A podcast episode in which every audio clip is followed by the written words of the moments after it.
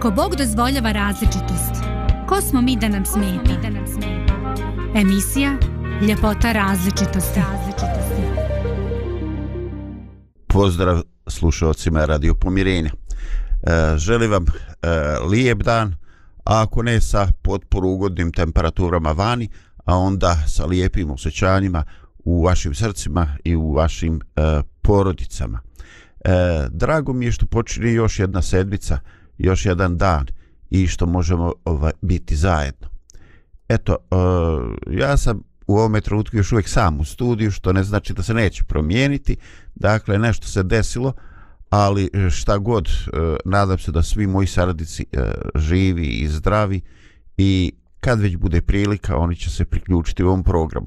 No naravno, nećemo stati, idemo dalje, jer ono što je pred nama je bitno i govorimo o bitnim stvarima.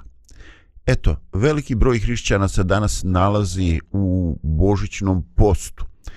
I na ovaj način, ako taj e, post nije baš u potpunosti onako kako je to e, propisano ili možda onako kako se to kaže u fulu, e, mi smo skloni i sa opravdanjem nalazimo neku e, u ublaženu verziju koja zavisi od naših godina, od našeg zdravstvenog stanja i jednostavno činimo ono što možemo, što je dobro i što je realistično. I evo mi želimo da vas ohrabrimo u tome. E, nemojte da se pravdate da ako ne možete e, sve i u punini da ne uradimo ništa.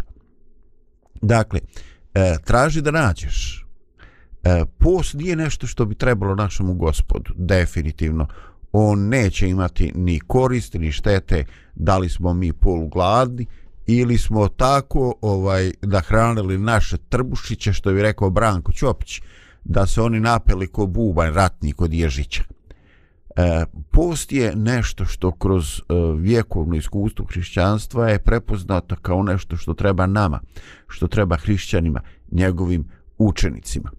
Ali e, tokom svih ovih vremena e, javljene su i mnoge se javile mnoge kontraverze. Znači, e, mi postavljamo sebi pitanje zašto je stvar stoji ovako ili onako. Eto, na samom početku mi otvaramo knjigu e, proroka Isaije koja se nalazi u starome zavjetu i nevjerovatno je markantna knjiga, e, knjiga upravo u tome dijelu svetoga pisma. E, zašto kažemo da je markantna?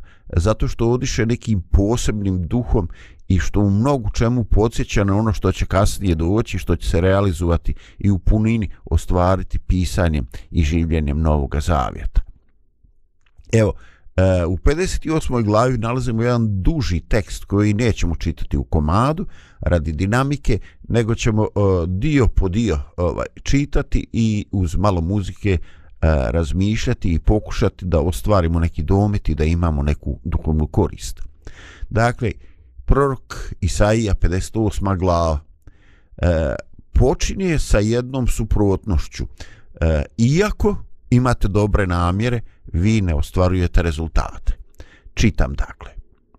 Premda me svaki dan traže i radi su znati puteve moje, kao narod koji tvori pravdu i ne ostavlja suda Boga svojega, ištu od mene sudove pravedne žele približiti se Bogu. I sad pravim pauzu. Kad ovo čitamo, ovo je fantastično. Ovo bi mi rekli, pa ja bi volio da se ovo odnosi na mene, na moju porodicu, na moj narod, na moje komšije i tako.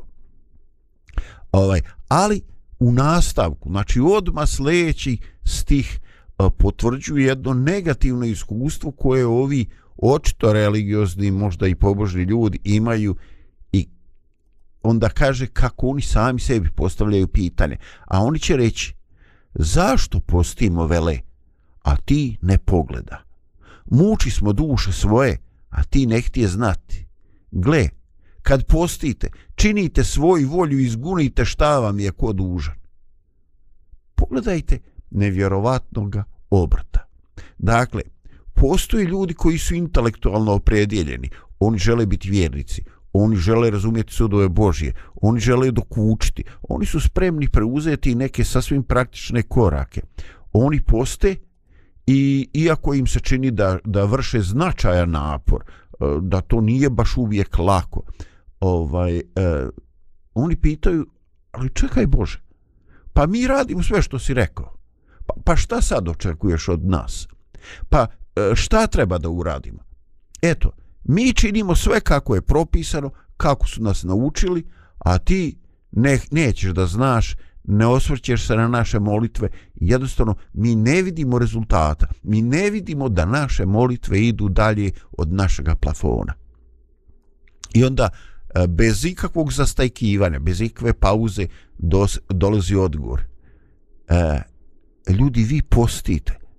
Vi radite nešto što je propisano i nije to sporno Sporno je što dok činite propisano, dok vršite taj napor svoje volje, dok vršite to odricanje, vi ste i dalje zadržali svoju volju, svoj ego, svoj gard, svoje borbene odnose prema drugima ljudima.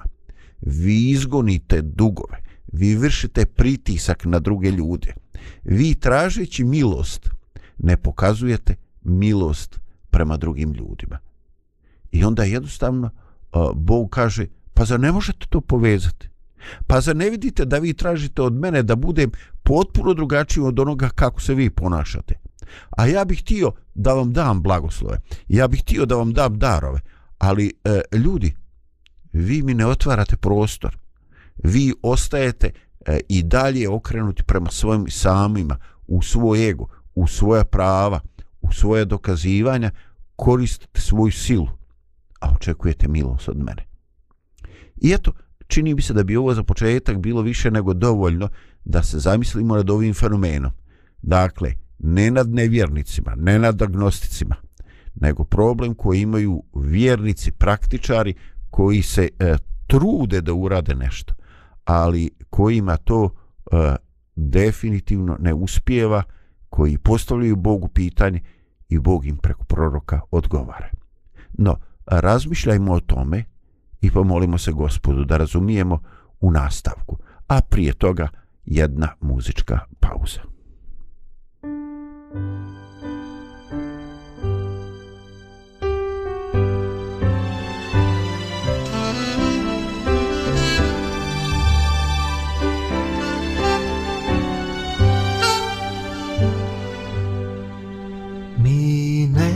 Znamo dan kad će gospod naš doći, a znaci su tu, milo skoro će proći, o spremi se sad, dok još prekasno nije, jer je blizu.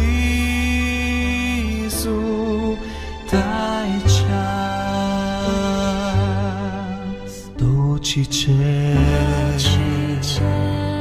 zato moli se uvijek doći će,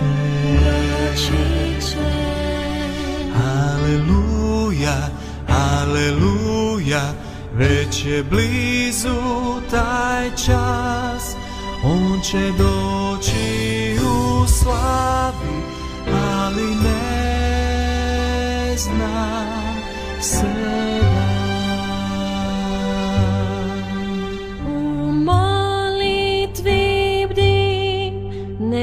žižak tvoj gori prioni narad i gospodnju riječ tvori. Kad dođe tvoj spas da te uzme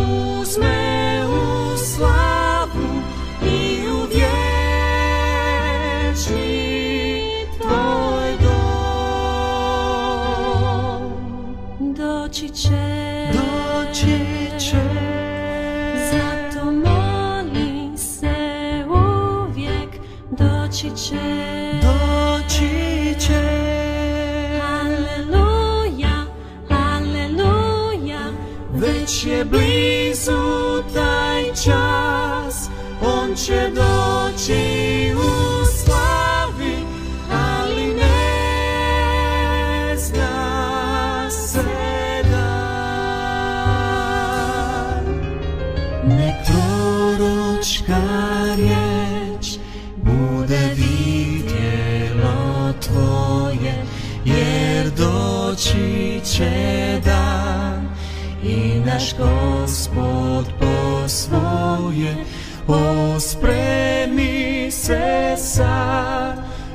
Doze sve nije kasno Jer je blizu taj čas. Doći će Doći će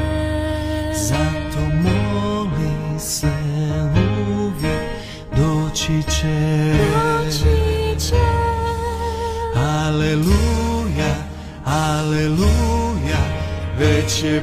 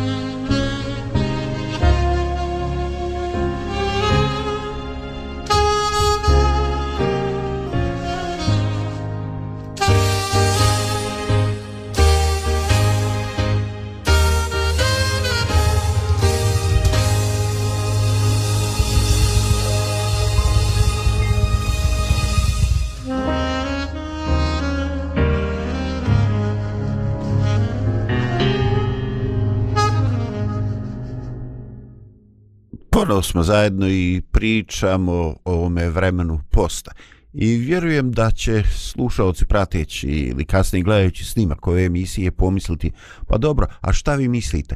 Koji post je pravi? Jer zaista postoji toliko verzija posta. E, jedan put je nešto definisano u istočnoj ili zapadnoj tradiciji. E, naše e, komšije koji pripadaju islamskoj vjeroispovedi također imaju svoj post. I ako očekujete da se ovdje kaže koji od tih postova je najbolji i tako, onda niste na pravom mjestu. Pitajte svoje sveštenike, svećenike i imame i oni će reći kod nas se to radi ovako i vi to radite kako se to kod vas radi. Ali ono što mi imamo reći, a to je da se čovjek veoma lako prevari i da misleći da je dovoljno da izvršava neku vanjsku formu, da tačno vodi računa o početku i kraju, o detaljima, da tačno mjeri gramom ili e, da provjerava vrste namirnica koje će unijeti u svoje tijelo ili neće. E, čovjek veoma lako može da promaši ono što je suštinsko, ono što zaista čini da je post nešto što je blagoslovena, što e, donosi blagoslov vama lično, vašim porodicama i u vašu zajednicu.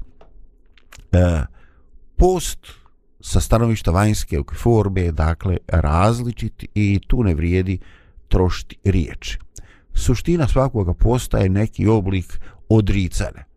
Kad odvojimo malo vremena i nađemo se sa mislovanim ljudima, oni će reći post ima i neke benefite koji su stvarno dobri za naše tijelo i za našu dušu.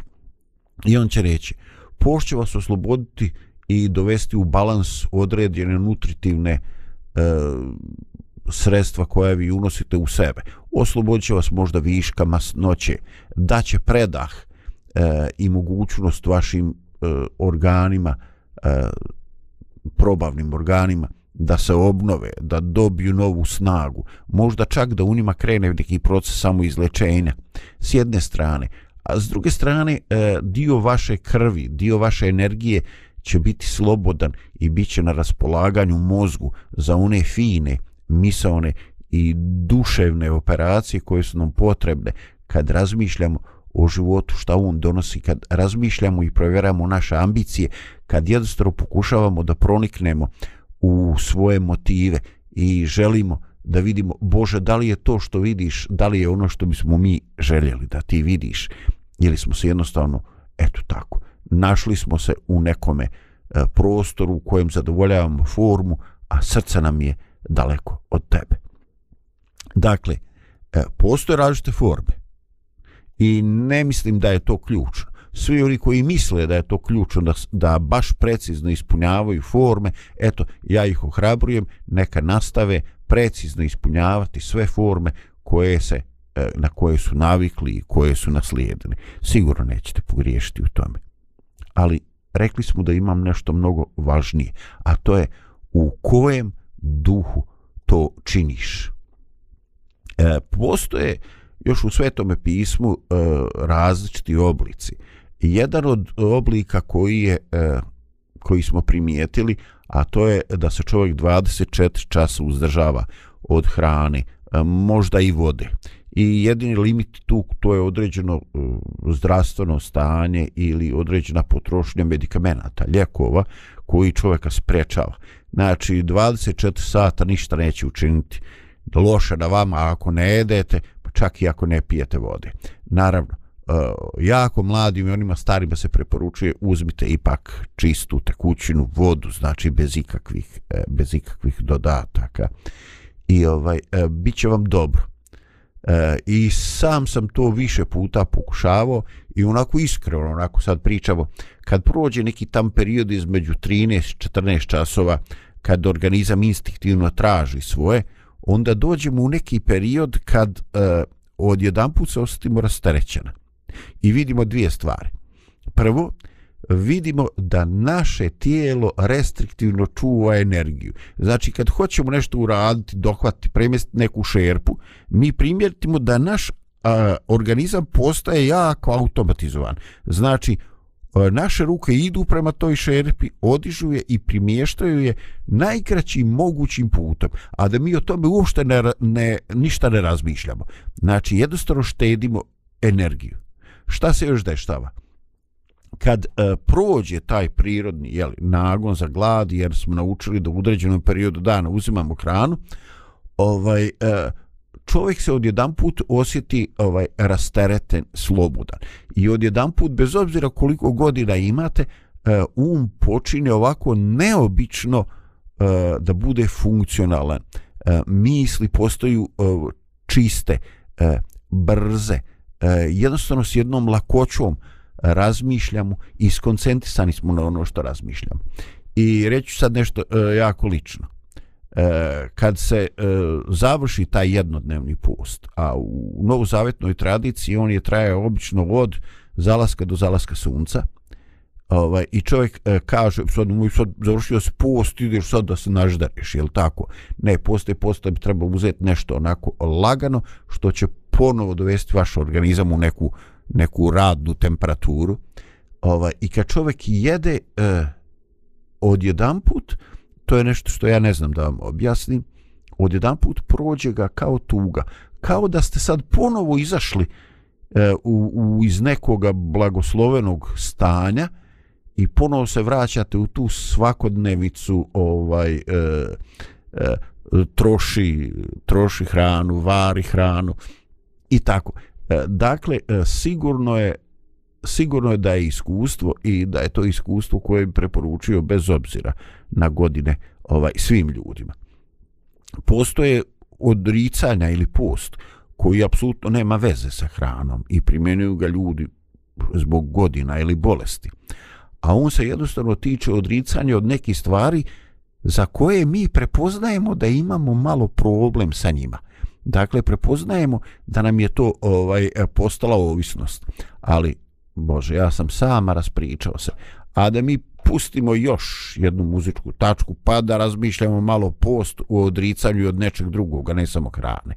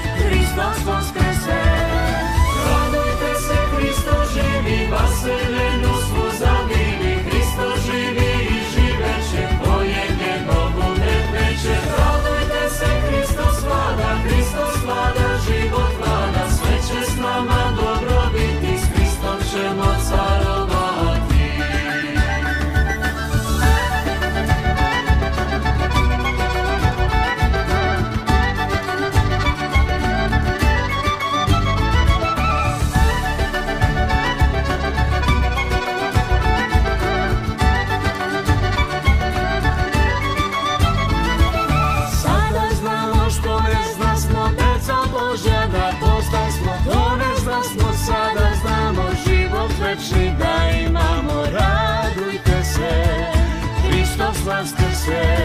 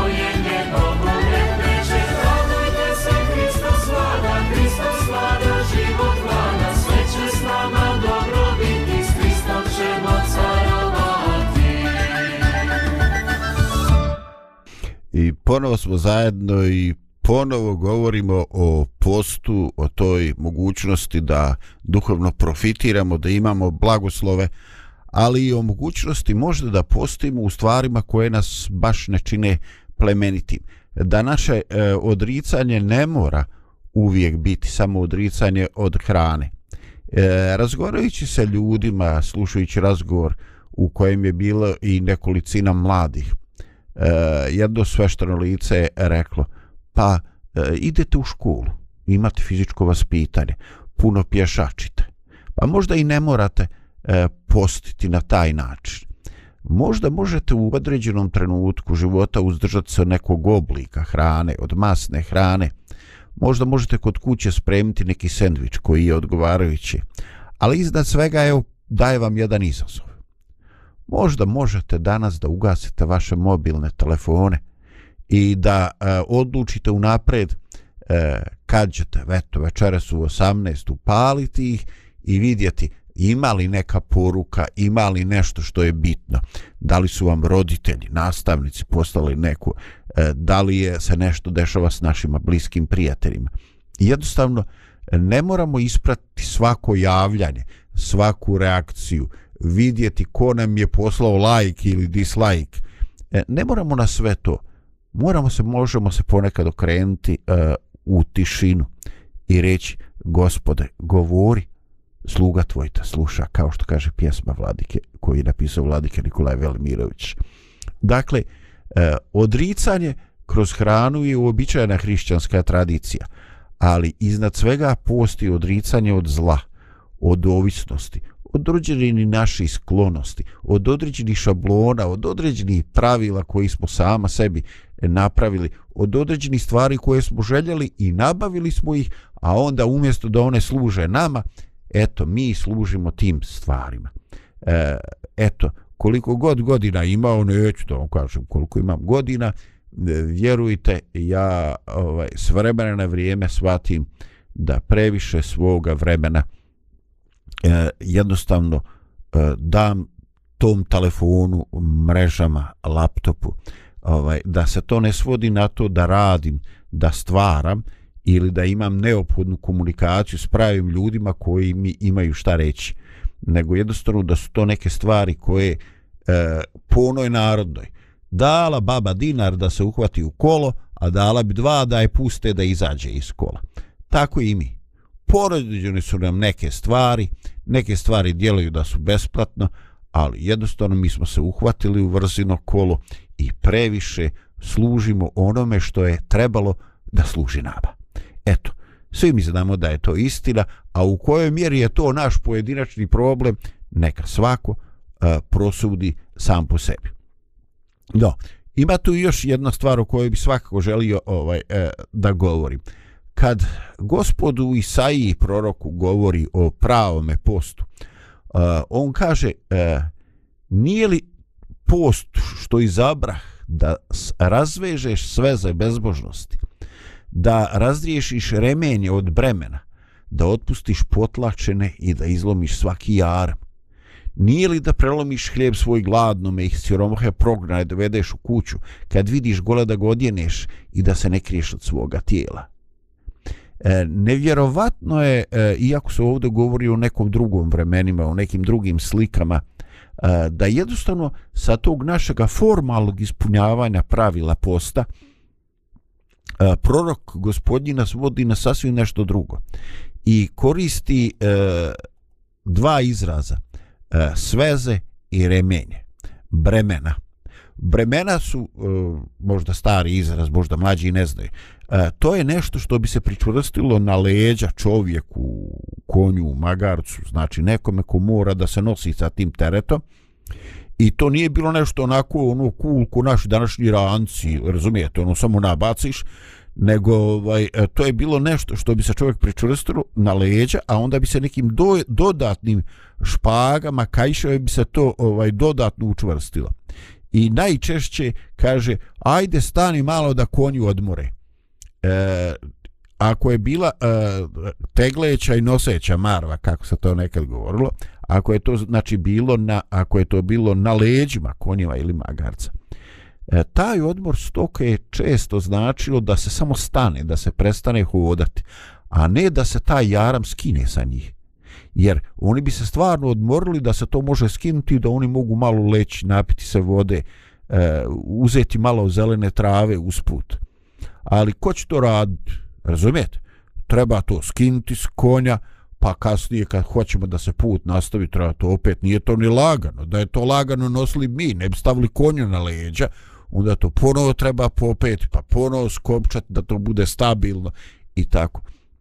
I zaista mislim da su ljudi uzdajući se u konjsku snagu to rijetko radili, osim oni baš koji su voljeli svoje životine. A ovdje se govori baš o tome. Budi milosti. Daj tome e, insanu ili hajvaru, kako mi kažemo ovdje u Bosni, daj čovječe malo da odbori, sevap je, šta ti je? I postoji razne druge sveze i tako. E, mi jednostavno se zaboravimo e, i ponekad e, stalno govorimo o našim očekivanjima, šta želimo e, o ljudi s kojima smo okruženi. E, možda čak i našu ovaj e, djecu stalno opterećuju, a kad ćeš popraviti matematiku, a kad ćeš položiti taj ispit, a kad ćeš ovo i kad ćeš ono. I možda su oni pre par minuta upravo imali tu muku i frustraciju, zašto mi ne ide, zašto ne uspijevam, a onda ti još dođeš od uzgoju, no, znaš kako to kažu, kucaš, kucaš, kucaš, a njemu upravo dosta. I zato kaže gospod, de malo popusti, de malo te remene opu, opusti, de daj da se neko osjeća ovaj opušteno.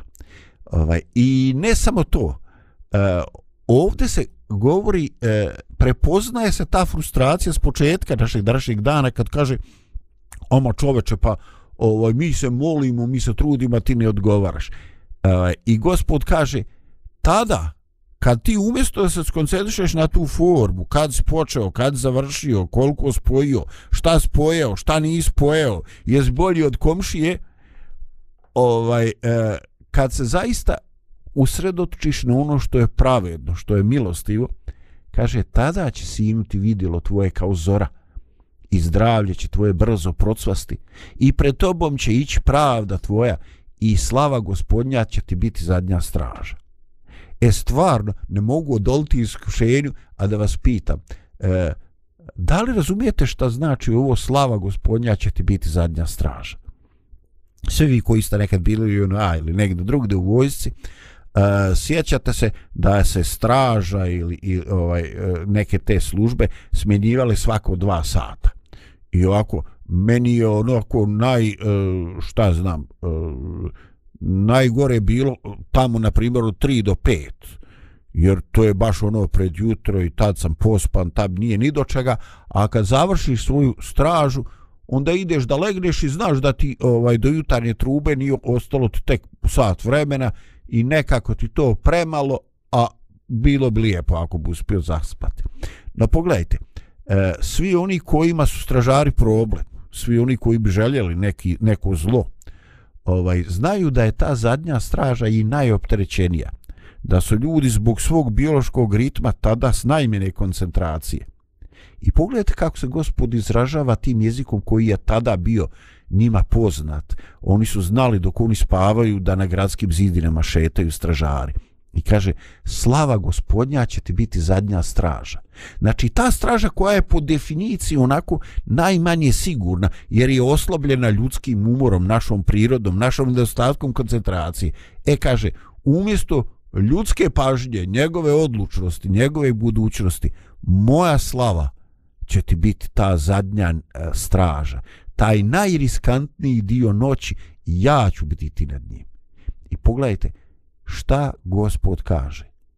Znači, nijedan e, zlonamjernik ne želi u noći da se sretne sa slavom gospodnjom.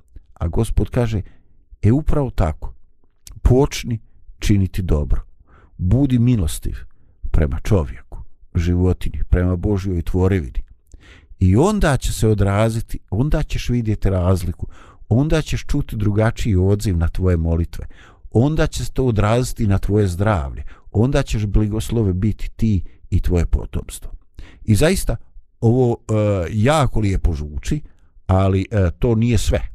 No, progovorimo još neku riječ o tome nakon još jedne pauze.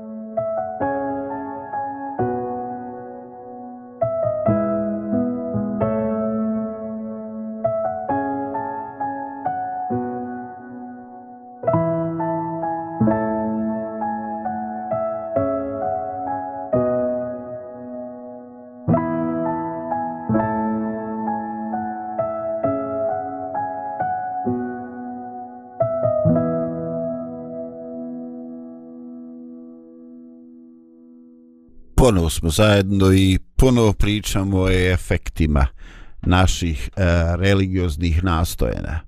E, I zaista, e, kaže, kad budeš radio to i to, kad budeš izmolio toliko molitvi, e, onda će se desiti ovo i ono.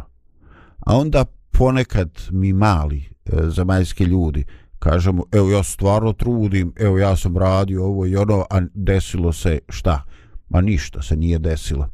I mi onda nekako ovaj e, umjesto da usmjerimo svoj pogled sa gospoda i kažemo, gospodu u čemu griješim? Šta bi još trebalo? Da li sam dovoljno otvorio svoje srce? Da li sam preispitao svoje ovaj motive? me odjedan put svoju religioznost, pa možda i svoj post, vidimo ovaj u kontekstu e, nekoga pripadanja. E, vidimo kao dio nekoga našeg kolektivnog identiteta. I onda smo ovaj tako e, spremni smo e, kad sretnemo u gradskom prevozu kad sjednemo u kafiću s nekim prijateljima onda kao usput onako ovaj kaže e postiš ti?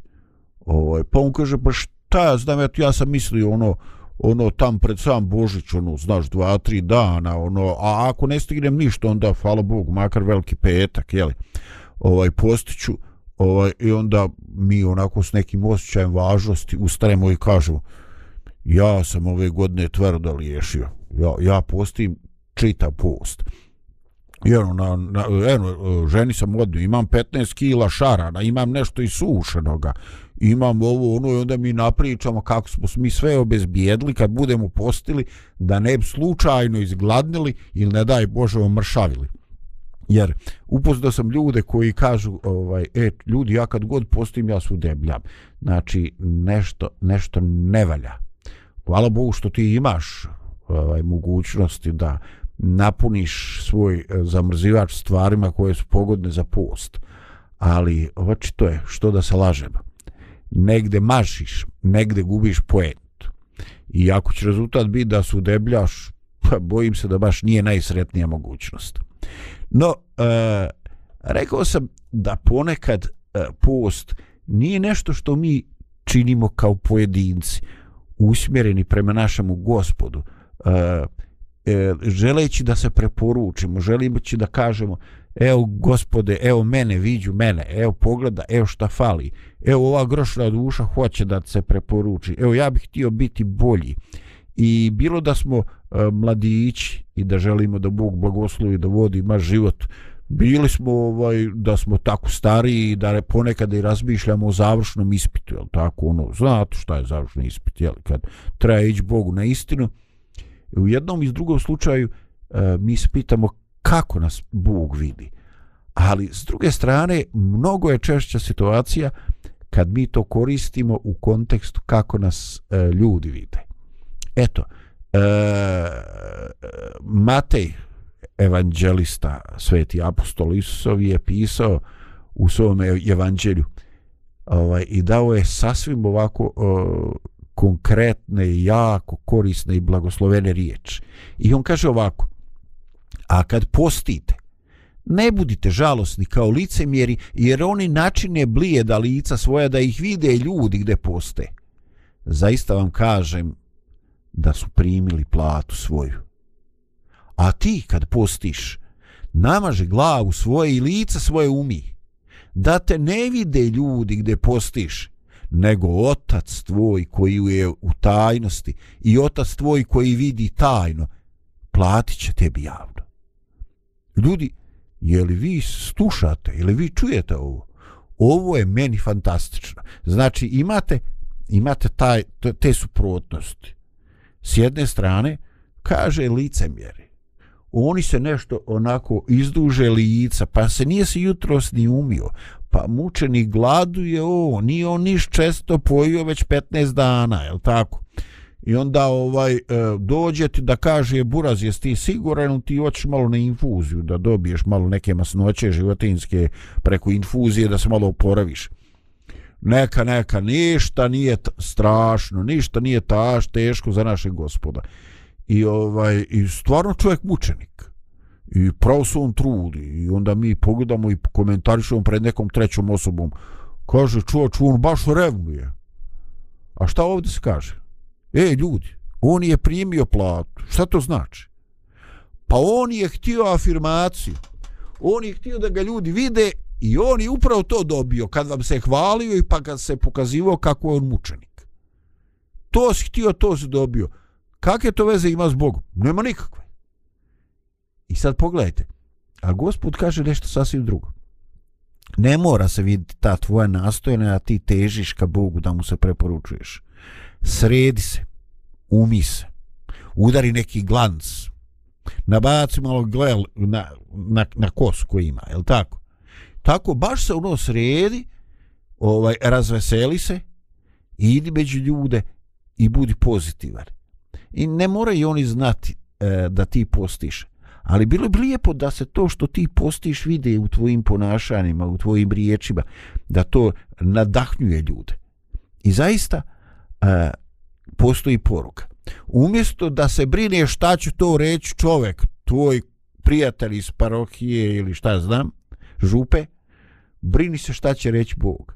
A Bog kaže, e vidiš, to tajno srce ja vidjet ću i to tajno ću ja tebi platiti javno. I upravo mi pričamo o nečemu što je nevjerovatno.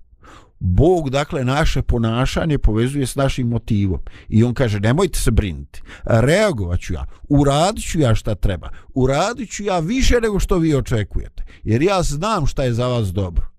A nemojte se opterećivati čovjekom. Nemojte činiti radi sujete. Odpustite malo. Odpustite ta bremena daj da još neko osjeti radost posta čak ako i ne posti. Zašto? Pa zato što će osjetiti da si malo milostiv, da imaš malo razumijevanja. I zaista, uh, htio bih uh, i razmišljam sada o ljudima koji su izuzetno uh, sposobni i efikasni u svom životu.